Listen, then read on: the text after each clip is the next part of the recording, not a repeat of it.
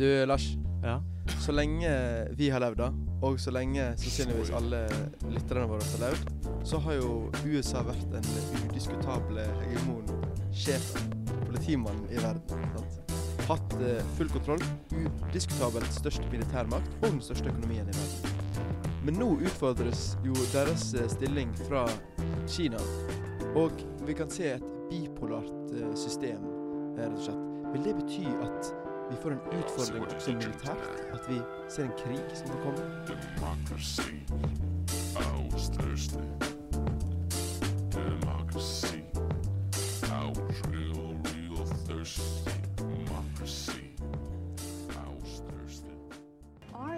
United States and China eventually heading toward war? It's a theoretical question, but one with its roots in the writings of an ancient Greek historian. In this latest addition to the NewsHour bookshelf, Margaret Warner talks to Professor Graham Allison of Harvard University about his new work, Destined for War Can America and China Escape Thucydides' Trap? Destined for war, Lars. Er det, er det det vi er her i verden? Her i verden. Ja. eh, som du sa i introen, sant, så er det sånn at uh, USA som uh, supermakt nå blir uh, utfordret av eh, Kina. Og i Ja. USA i alle fall, som vi hørte i dette her eh, klippet, Ja. så er jo den eh, ideen, den forestillingen, den er liksom eh, skikkelig eh, i vinden, da. Eh, alle politikere, spesielt republikanere, eh, folk, eh, sånn policy heads, liksom de eh, snakker om dette hele tiden. Ja, og den eh, boka som eh, vi hørte referert til eh, nå i starten, det er jo den boka eh, 'Destined for War', et, eh, 'How the US Can Escape Thus Thucydides Trap', em, som er en bok av eh, Graham Ellison på Harvard. og han har skrevet, en, skrevet om hvordan det her sannsynligvis, ifølge historier, han har sett på historier 500 år tilbake i tid, em, hvordan det er sannsynlig at det kommer til å, til å skje. At de fleste gangene man har en hegemon, en stormakt, som blir utfordra av en annen voksende stormakt, så, um, så har man sett uh, en, en slags krig. Og det er spesielt uh, den uh, makta som blir utfordra, altså ikke den økende, men den som taper sin relative posisjon, som oftest går til krig. Ja, sant. Så uh, i dette tilfellet så er jo da spørsmålet om vil USA gå til krig mot Kina fordi at de da er redd for å miste sin posisjon som verdensledere. Sin ubestridte eh, posisjon, da. Eh, Vi snakker altså om store spørsmål i verdenspolitikken i politikk eh, og røvere i dag. Jeg heter Jonas Bergan Dreige, og ved min side har jeg Lars Erik Berntsen. Um, og det vi snakker om, det er jo um, utenrikspolitikken til USA. hvordan den har endret seg over tid, og hvordan de vil forholde seg til en økende økonomisk makt som Kina. Ja, og det er bakteppet for oss å diskutere det som egentlig ble presentert som en slags eh, lov, lovmessighet, eh, innenfor eh, verdenspolitikken av denne forfatteren Graham Allison.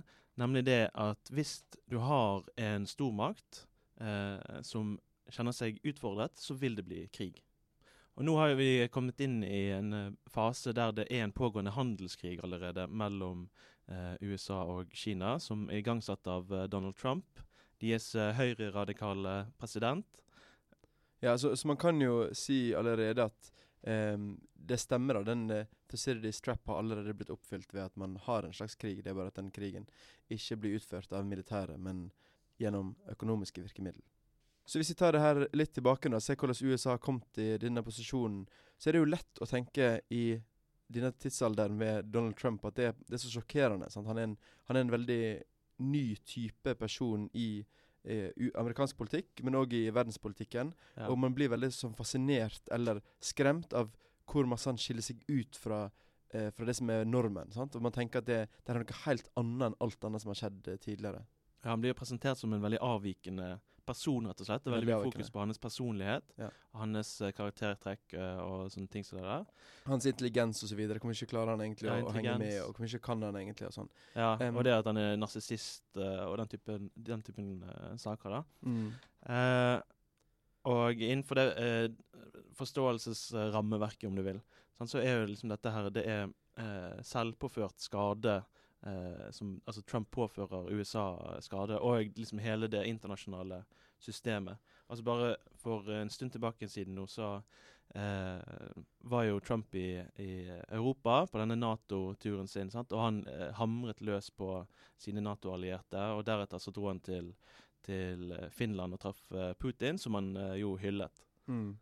Ja, så det er mye som virker litt sånn kanskje vanskelig å forstå, eller avvikende, eller, eller, eller unormalt, og dermed eh, skremmende. Og det er jo en klar endring i politikken, og vi hevder jo ikke at, eh, at disse beskyldningene mot Trump og, og hans personlighet, at, ikke, at vi går imot det på noen måte. Men eh, det er kanskje et litt større sånn generell trend man kan se i eh, i alle fall hans utenrikspolitikk, da, enn den man, han ofte blir kreditert for. Ja, for i eh, internasjonal politikk så skiller man gjerne mellom den eh, eh, liberale tilnærmingen og den realistiske tilnærmingen. Altså liberalisme, realisme. Ja, i alle fall i amerikansk eh, politikk. Der det er begge de to eh, teoretiske rammeverkene innenfor internasjonal politikk og forståelsen av hvordan en burde utføre eh, utenrikspolitikk, eh, stammer jo fra USA, og har også dominert eh, amerikanske eh, tanker eller amerikanske tanker rundt eh, utenrikspolitikk eh, til forskjellige tider. da. Noen av dem har vært mer dominerende i noen tider, og andre har tatt over i andre tider. Ja, og der eh, realistene så, eh, de har jo et fundamentalt annerledes uh, verdenssyn, om du vil. Mm. Realistene ser på uh, verden som uh, anarki. Sant? Og det, det handler om den sterkestes rett, rett og slett. da.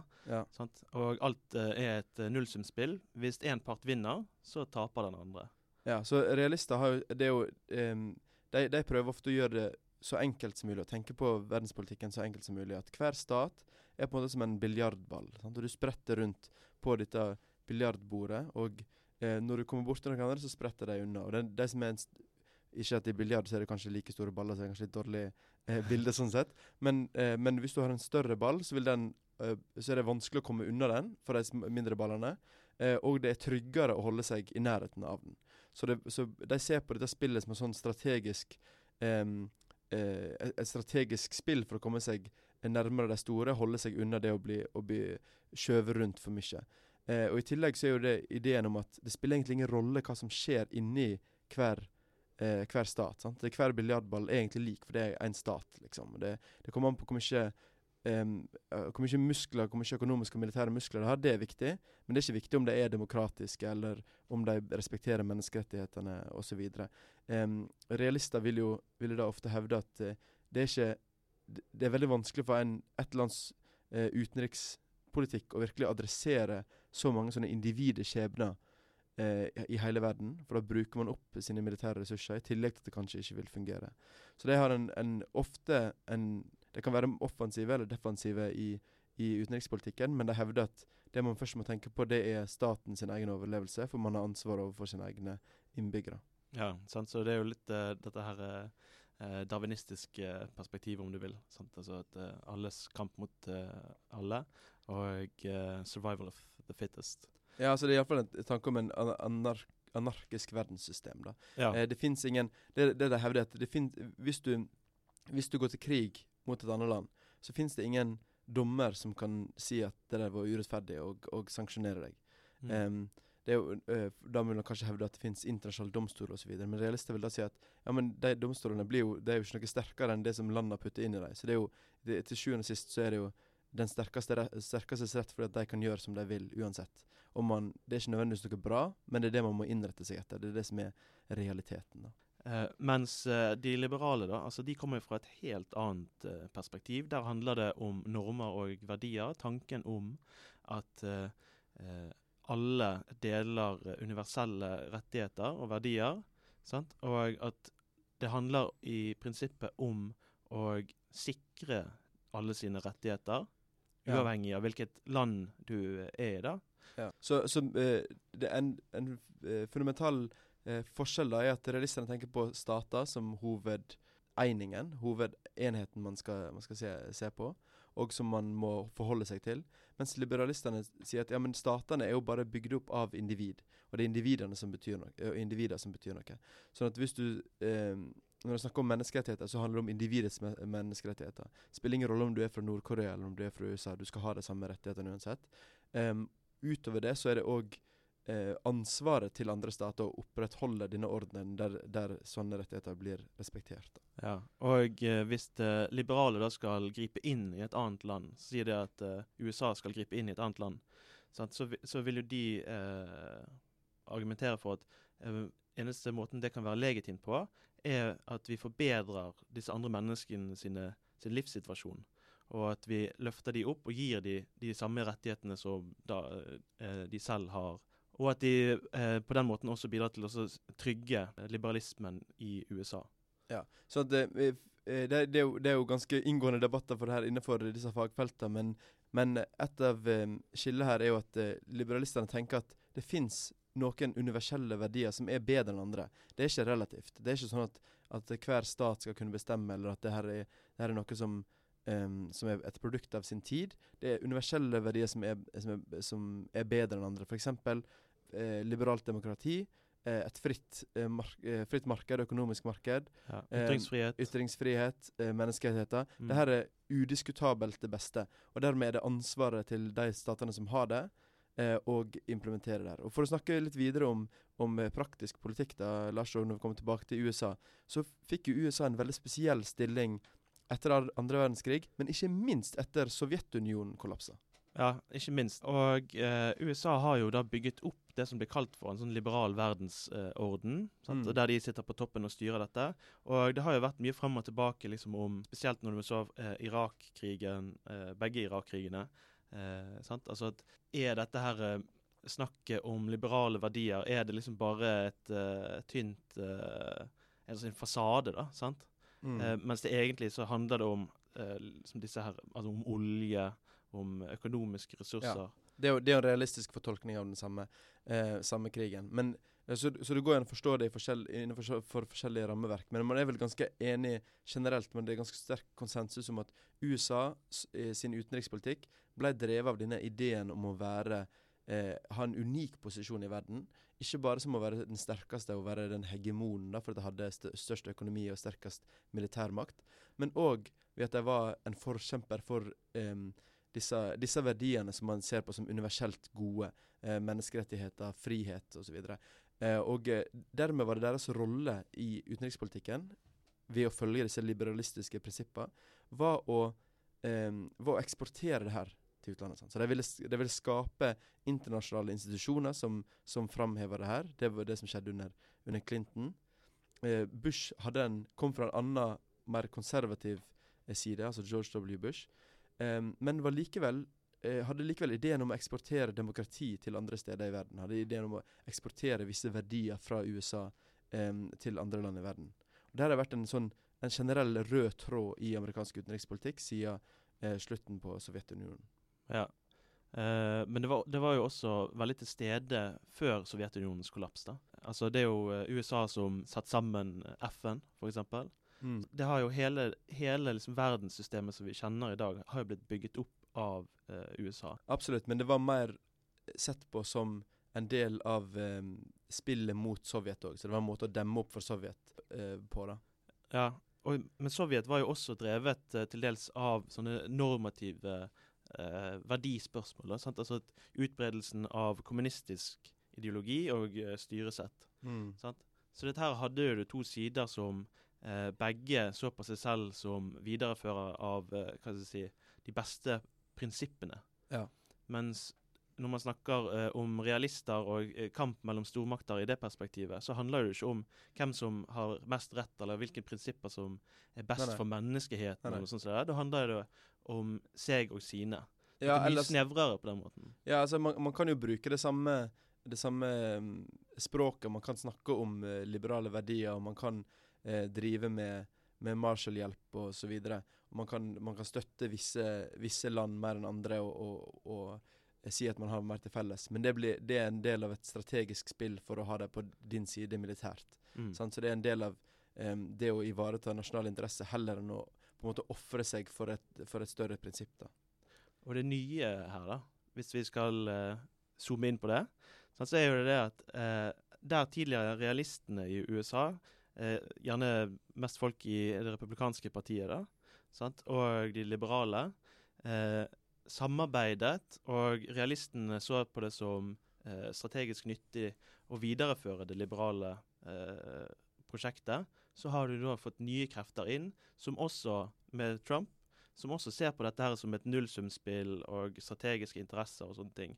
Ja. Eh, men han mener da at det er fåfengt og en dårlig deal, om du vil, eh, og kjøre med dette her eh, liberale eh, prosjektet. da. Ja, men det som er Jeg vet ikke helt om jeg er 100 enig i det, da, Lars. For at, ja. um, det, det, det er litt lett å tenke at, det er, at li, de liberale i internasjonal politikk er det samme som liberale som eh, i amerikansk politikk. på en måte, At det, er dermed er på venstresida. Men det er ikke nødvendigvis tilfellet. For at, eh, Ja. det er mange av de neokonservative som hadde ideen om, om en sånn der, eh, kulturell overlegenhet, eller eh, idealistisk eh, overlegenhet. Eh, og på andre sida så, var det eh, så var det jo de aller fleste realistene i USA, som var de mest prominente realistene, de eh, brukte jo penger på å få inn en sånn annonse i eh, New York Times rett før Irak-krigen, der de eh, var sterkt imot Irak-krigen. da. Eh, og sa at, at det her var en utrolig dårlig idé og gikk imot amerikanske interesser. Og ikke ville føre til noe bedring i Irak. At man egentlig ikke burde gå inn der i det hele tatt. Eh, det her var jo motstandere av, av Bush som likevel var realister. Og det var pga. at de var realister at de var imot den. Men det er hele tiden realister som uh, er, også er bærere av uh, liberale perspektiver. Da. Sånn som De sier jo at ok, men dette her er i strid mot våre interesser. Og, eh, men det er jo i strid mot våre interesser og de andre sine interesser fordi at de ikke vil ha noen eh, sjanse for å innføre eh, liberalt demokrati, f.eks. Det vil, det vil forverre situasjonen, det vil skape mer uro, det vil skape mer problemer. Dysfunksjon. Altså, det er jo ingen, det er jo ingen, det er jo ingen eh, strid om at det er det som er idealet, det er det som er ønsket. Det er bare veien dit. Skal vi gå til krig for å oppnå det, eller skal vi holde oss unna? Men eh, uansett, da, Lars. Generelt så har vi sett eh, en liberal dominans. eh, en dominans av tanken om at man skal spre visse eh, universelle verdier eh, til resten av verden. Og USA har, eh, har kjent på denne, dette ansvaret, eller denne rollen, som en hegemon etter Sovjet forsvant. Selvfølgelig, de spilte på det å være bæreren av frihet før det òg, men etter den store motpolen forsvant i Sovjetunionen, så hadde jeg vært alene om det og hadde tenkt på det som en, som en sånn unipolar orden. Altså en, eh, en eh, verdensorden der det kun er én stormakt.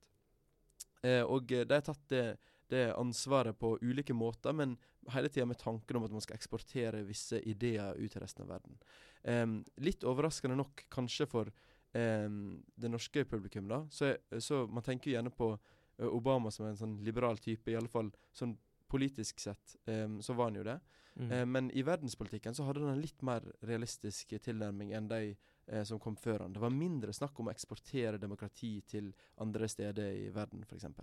Ja, det handlet i større grad om å respektere eh, styresettene og folket da, i de ulike eh, landene rundt omkring i verden.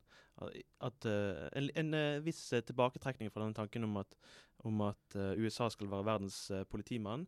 Og det gir jo òg mening ut ifra liksom, Fra venstresiden så har det vært veldig mange som har kritisert USAs rolle som eh, verdens uh, politimann. Ja. Så Obama blanda litt de der to. På den ene sida så forsvarte han litt den der politimannrollen. Han sa jo i den, der, den talen eh, da han vant uh, Nobels uh, fredspris i 2009, så sa han at USA hadde hatt en helt spesiell rolle i å sikre global sikkerhet, og at deres eh, innbyggeres blod hadde, hadde blitt ofra for denne saken. da. Det er veldig klart sånn liberalt syn om at det var USA som hadde en sånn spesiell rolle i verden. Han sa òg at em, flere, ved flere anledninger at USA var en, uh, var en exceptional power. Um, med indispensable power. Sant? Så det var veldig viktig for verdenssamfunnet generelt.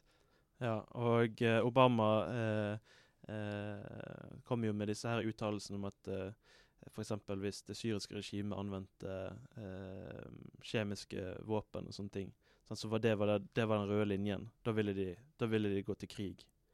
Sånn, eh, men når det kom til stykket, da, så ble jo ikke det krig. Det var, det var liksom noen missiler som eh, ble sendt. Ja. Og eh, Obama eh, og Nato intervenerte jo ikke eh, på vegne av liksom det syriske folk og deres lidelse. Ja, og, og, og som et, delvis som et forsvar til det, der, det er vel kanskje noe som Obama helst ikke vil snakke så mye om akkurat den. Det var jo en ganske ydmykende opplevelse å sette en linje, og, og så etterpå ikke følge den.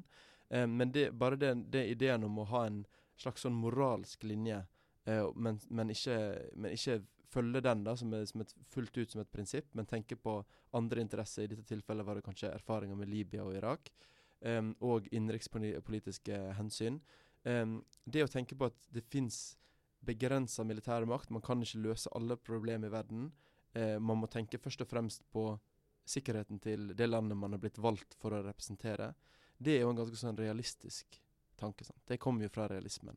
At man kan ikke drive og gå rundt og være politimann. Man må sørge for at de man har ansvar for, altså innbyggerne som har stemt på deg, em, eller som du representerer, da, de må du passe på. Ja. Så Der du tidligere hadde med eh, Clinton og eh, Bush som var med å bygge opp og eh, sterke disse organisasjonene, eh, styrke de, så eh, kommer da Obama inn, eh, også demokrat, men representant for eh, en annen linje. Mm.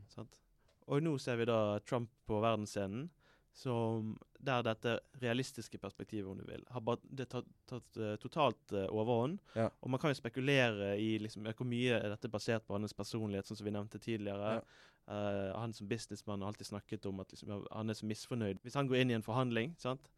og motparten sier at de er fornøyd med, med avtalen som han har, selv har skissert, så trekker han seg. For han vil alltid forlate bordet med sin konkurrent eh, supermisfornøyd. Da. først er han fornøyd.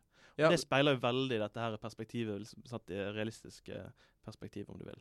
Ja, nettopp. Så det her er jo en ekstrem versjon av, um, av realismen, på en måte, da, kan man si. At det, han ser på det som transaksjonelt. Det, det han får ut av det, det er det motstanderen mister, og vice versa. Um, så hvis motstanderen som du sier, er misfornøyd, så er han fornøyd, for da har han vunnet. sant? Og det å se på det som et sånn nullsumspill, em, det betyr at man deler opp um, summen av det man får, i, eh, i visse deler, og jo mer du får, jo mindre får det andre. Ja, jo Eh, større del av kaken du får. Sant? Ja, så mindre får det andre. Mens eh, det liberale har jo tenkt Clinton eksempel, tenkte jo at Men ved handel så vil jo alle eh, få det bedre. Ja. Så eh, en god analogi for det her er ikke en kake, men eh, en åker der du kan dyrke mer og lage flere kaker i, over lengre tid. Sant? Så du kan få mer ut av det, og alle kan få, på en måte. Det er jo litt eh, det som ligger bak den økonomiske tankegangen til liberalistene. Mens realistene tenker at ja, det er begrensa ressurser, og, vi, og det, det vi får, det får ikke motstanderen. Ja. Og Derav ser du di- eh, fokuset på eh, handelstoller, såkalt eh, proteksjonisme og den typen eh, tilnærminger. Som jo det har vært veldig mye av i ulike settinger. Også Norge driver jo på med, med den typen saker for å beskytte sitt eget uh, jordbruk, f.eks. Mm. Ja, så det er, en, det er jo en sånn merkantilistisk tankegang med tanke om, om, å, om å beskytte sin egen økonomi fra, eh, fra andre for å ikke miste noe i, i sånn konkurransefortrinn. så. Ja, Merkantilisme det var jo da dette eh, økonomiske systemet som kom før kapitalismen. Mm. Ja, så eh, egentlig her da, sant, så er det snakk om da en pendel som svinger tilbake igjen. Det har vært en veldig lang liberal periode som har liksom endret vår verden eh, fundamentalt sett. Men nå er denne pendelen på vei tilbake igjen. Og overraskende nok så var det Obama da som eh, kan du si fra amerikansk side satte i gang denne prosessen, eller hans, hans eh, regjering. Ja, og Trump er en ekstrem oppfølger til det her, som på veldig mange måter er jo er på en måte motstykk til Obama når det kommer til innenrikspolitikk og hva han representerer og bakgrunn osv. Uh, men akkurat når det kommer til utenrikspolitikk, så, så kan man se en viss sånn linje da, som ikke er, som ikke er et fullstendig avbrudd egentlig fra, fra det Obama drev med. Eh, nettopp. Hvis vi tar eh, linjen tilbake til eh, denne her eh, boken, da, det som har så sinnssykt stort gjennomslag i USA nå. Ja, 'Destined for War'. Destined for war. Ja, det er riktig. Veldig catchy title. Det er jo eh, det Will er, there be war between the US and China?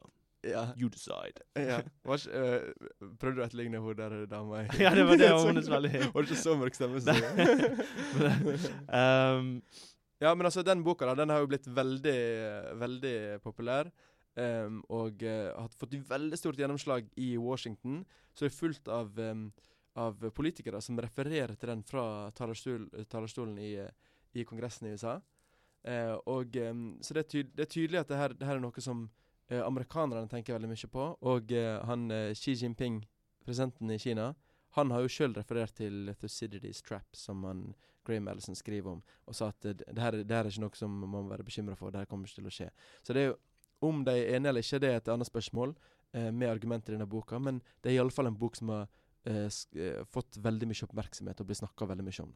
Ja, for det, her handler jo det eh, egentlig i veldig stor grad om eh, den herskende makten sitt syn. Sant? Ja. Ikke så veldig mye om eh, makt eh, nummer to, up and coming. sant? Ja. Eh, Kina, Kina vokser bare. I, den- i den- denne historiefortellinga så vokser bare Kina økonomisk, og det er det som er trusselen. Det spiller ikke så veldig stor rolle hva de gjør. i utgangspunktet. ja, altså De utfordrer jo USA til en viss grad i Sør-Kina-havet. Eh, men det er jo en veldig begrenset eh, del av eh, verden. sant? Et lite ja. Så um, bare gå tilbake til hva denne boka er basert på. da Det som eh, blir referert til som Thucydides eh, Trap, det er jo han greske historikeren fra antikken eh, Tukidedes, er det det man kan kalle den på norsk? Thucydides kaller han på engelsk. i hvert fall. ja. um, som skrev boka om eh, de peloponnesiske krigene. Og det handler jo om en sånn, en sånn historie, som er mellom Sparta og Aten.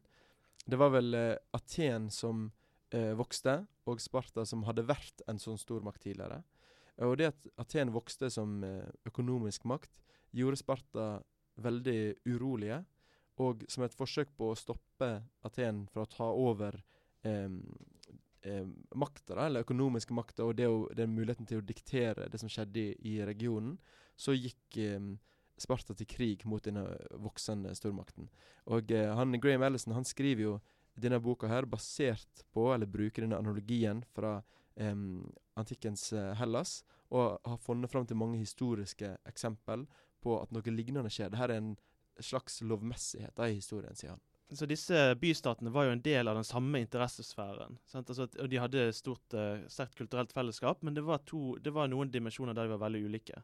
Eh, Aten var jo da et eh, demokrati, sant? og hadde stort fokus også på handel, men Sparta eh, var en militær supermakt på den tiden i området. Sant? Eh, og da, mens eh, Sparta da ble urolige, fordi at de tenkte at med den økonomiske overlegenheten, så kan de da bygge allianse med alle de andre statene rundt, og på den måten eh, true deres eh, overlevelse på lang sikt. Greien da var jo det at de da ville gå til krig før dette her inntraff. sant? Det er jo det som er, hoved, det er, det som er hovedtingen her. Altså at den regjerende stormakten går til krig mot motparten før dette scenarioet kan inntreffe. Eh, og det har jo vi Altså det finnes jo mange andre tilfeller. Som du sa, så var jo det i denne boken så lister han opp eh, 16 tilfeller av dette her er eh, mellom eh, stormakter og mellom land. Sant, der dette har eh, skjedd. Eh, men man kan også se på det innad i land. Eksempel, eh, jeg leser en bok om den amerikanske borgerkrigen. da. Ja. Der var jo det nord eh, mot eh, sør i eh, denne føderasjonen. Og eh, sørstatene bestemte seg for, når Lincoln ble valgt til president, så gikk de ut av unionen. Mm. Med tanken om at hvis vi ikke gjør det nå, så kommer de, nordstaten som allerede da var økonomisk overlegen, men militært underlegen, sørstatene, eh, så kommer de bare til å befeste sin posisjon og påtvinge oss sitt eh, syn om å, om å avskaffe slaveriet. Da? Mm. Fordi at hele sørstaten, altså, økonomien deres var drevet av slaveri. De så på det som eh, sin rett å herske over eh, den afrikanske rase, som de kalte det. Sant? Mens nordstatene da ville avskaffe det, fordi at de så på slaveriet som en, også en eh, ikke bare urettferdig, men en trussel mot sitt, sitt økonomiske system. Så eh, denne her typen dynamikk har jo utspilt seg eh, gang på gang på gang. Og det store spørsmålet som du var inne på, er jo liksom at men er det en lovmessighet i dette her? Hvordan kan vi eh, er det, Finnes det nok informasjon eh, liksom til å si det? Ja, det er jo iallfall det han Graham Ellison hevder i denne boka, da, at det her skjer gang på gang. Um, eller gang på gang Nei, gang ganger 16. Han hevder Gang ganger 16. han hevder at det skjer uh, uh, Han har, han har saumfart historiebøkene, hevder han sjøl. Og har i løpet av de siste 500 åra funnet 16 eksempel på en, eh, en tilsvarende situasjon. Og i 12 av disse 16 eksemplene så har det blitt krig. Eh, og da har det blitt eh, krig initiert vel hver gang av eh, den eh, tapende stormakten. Den stormakten som blir utfordra av en ny en. Så han hevder at her finnes det en slags lovmessighet. Um, og eh, det er det som på en måte overbeviser, eller det som er salgspitchen, da, kan man si, til denne boka. Eh, som han, han har eh, turnert med og, og snakka om og har fått veldig stort gjennomslag blant, eh, blant politikere i USA òg. Eh, og, og da er tanken at det, ok, det fins fire, fire av disse 16 casene i de siste 500 åra har det ikke blitt krig. Så at det er mer sannsynlig at det blir det, 12 av 16, enn 4 av eh, 16 at det ikke blir det. Men eh, det er jo likevel ganske få caser man snakker om her. Ja, som en lovmessighet så framstår Altså, det er jo ikke eh, grunnlag til å si at det er det, da. Men det som vi eh, snakket om tidligere, var jo det at selv om det ikke er en lovmessighet, så kan jo det ha dramatiske konsekvenser i den amerikanske politiske virkeligheten, fordi at det blir en slags selvoppfyllende profeti. Ja, så eh, hvis, vi, hvis vi først går gjennom det som er, det som er problematisk for, eh, for boka, eller for dette argumentet om det her, er det sant at disse her kommer til å gå til krig mot hverandre? For det er det som er argumentet. Han sier at det er veldig sannsynlig at det her kommer til å føre til en krig. På en eller annen måte kommer USA og Kina til å eh, komme i krig med hverandre. Han sier ikke at det kommer til å skje garantert. Han sier ikke når det kommer til å skje, men han sier at det er sannsynlig at det kommer til å skje. Det er det som er hovedargumentet her. Mm. Og han sier at det her, det her er basert på eh, historiske lovmessigheter, basert på disse 16 eh, casene. Og det har tydeligvis fått veld, veldig stort eh, gjennomslag i Washington. Men hvis vi kan gå gjennom det som er problematisk ved det først, da, før, før vi snakker om, eh, om hvordan, det, hvordan det har påvirka politikerne. Ja, Det første, og det har vi vært inne på? Altså, det er jo det at det er 16 tilfeller da, gjennom 500 år. Ja, jeg og deg Så- driver jo litt med, med kvantativ metode i, eh, i vår egen forskning. Og det er vel veldig sjelden vi holder på med datasett på, på 16 observasjoner. liksom. Ja, altså Det er veldig få observasjoner. da, sant? Så det at eh, det, det får et umiddelbart til å framstå som veldig shaky greier. Ja. Og så er det òg eh, en del av det, da. Lars vil jo si at i og med at han, Hvis han sier at han har gått gjennom 500 års eh, historie, um, så er det litt vanskelig for å tro at det, at han, at det bare finnes 16 caser som, er- som er relevant for det her.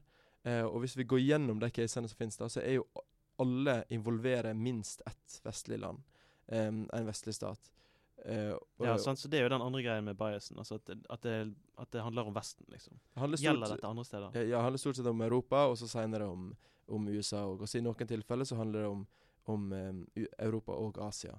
Um, men, og, men det han bruker som utgangspunktet, det som er tittelen i boka, er jo Thucydides Trap, som handler om noe som skjedde før nasjonalstaten ble grunnlagt. Sant? Lenge før det i antikkens uh, Hellas. Mm. Så hvis det her er en lovmessighet som går utover bare nasjonalstaten, da, som han ser ut til å, til å mene, så burde man òg kunne finne tilsvarende situasjoner som går på før eh, på org, eh, altså samfunn før staten ble, ble Ja. danna. sant? Altså alt fra stammesamfunn eh, Mm. og til mer sånne eh, løst baserte imperier. Ja, Imperiet Eh, burde være det samme. Ja. Så Da burde man virkelig saumfare og se hva, hvor vanlig er det her, eh, og så kanskje være litt mer nøye på hva mener man med at noen vokser og noen eh, synker. Da vi snakka om det her i eh, går, Lars, så brukte jo du eksempelet for um, Hitler og at han var redd for at Sovjet skulle, skulle eh, være en voksende stormakt.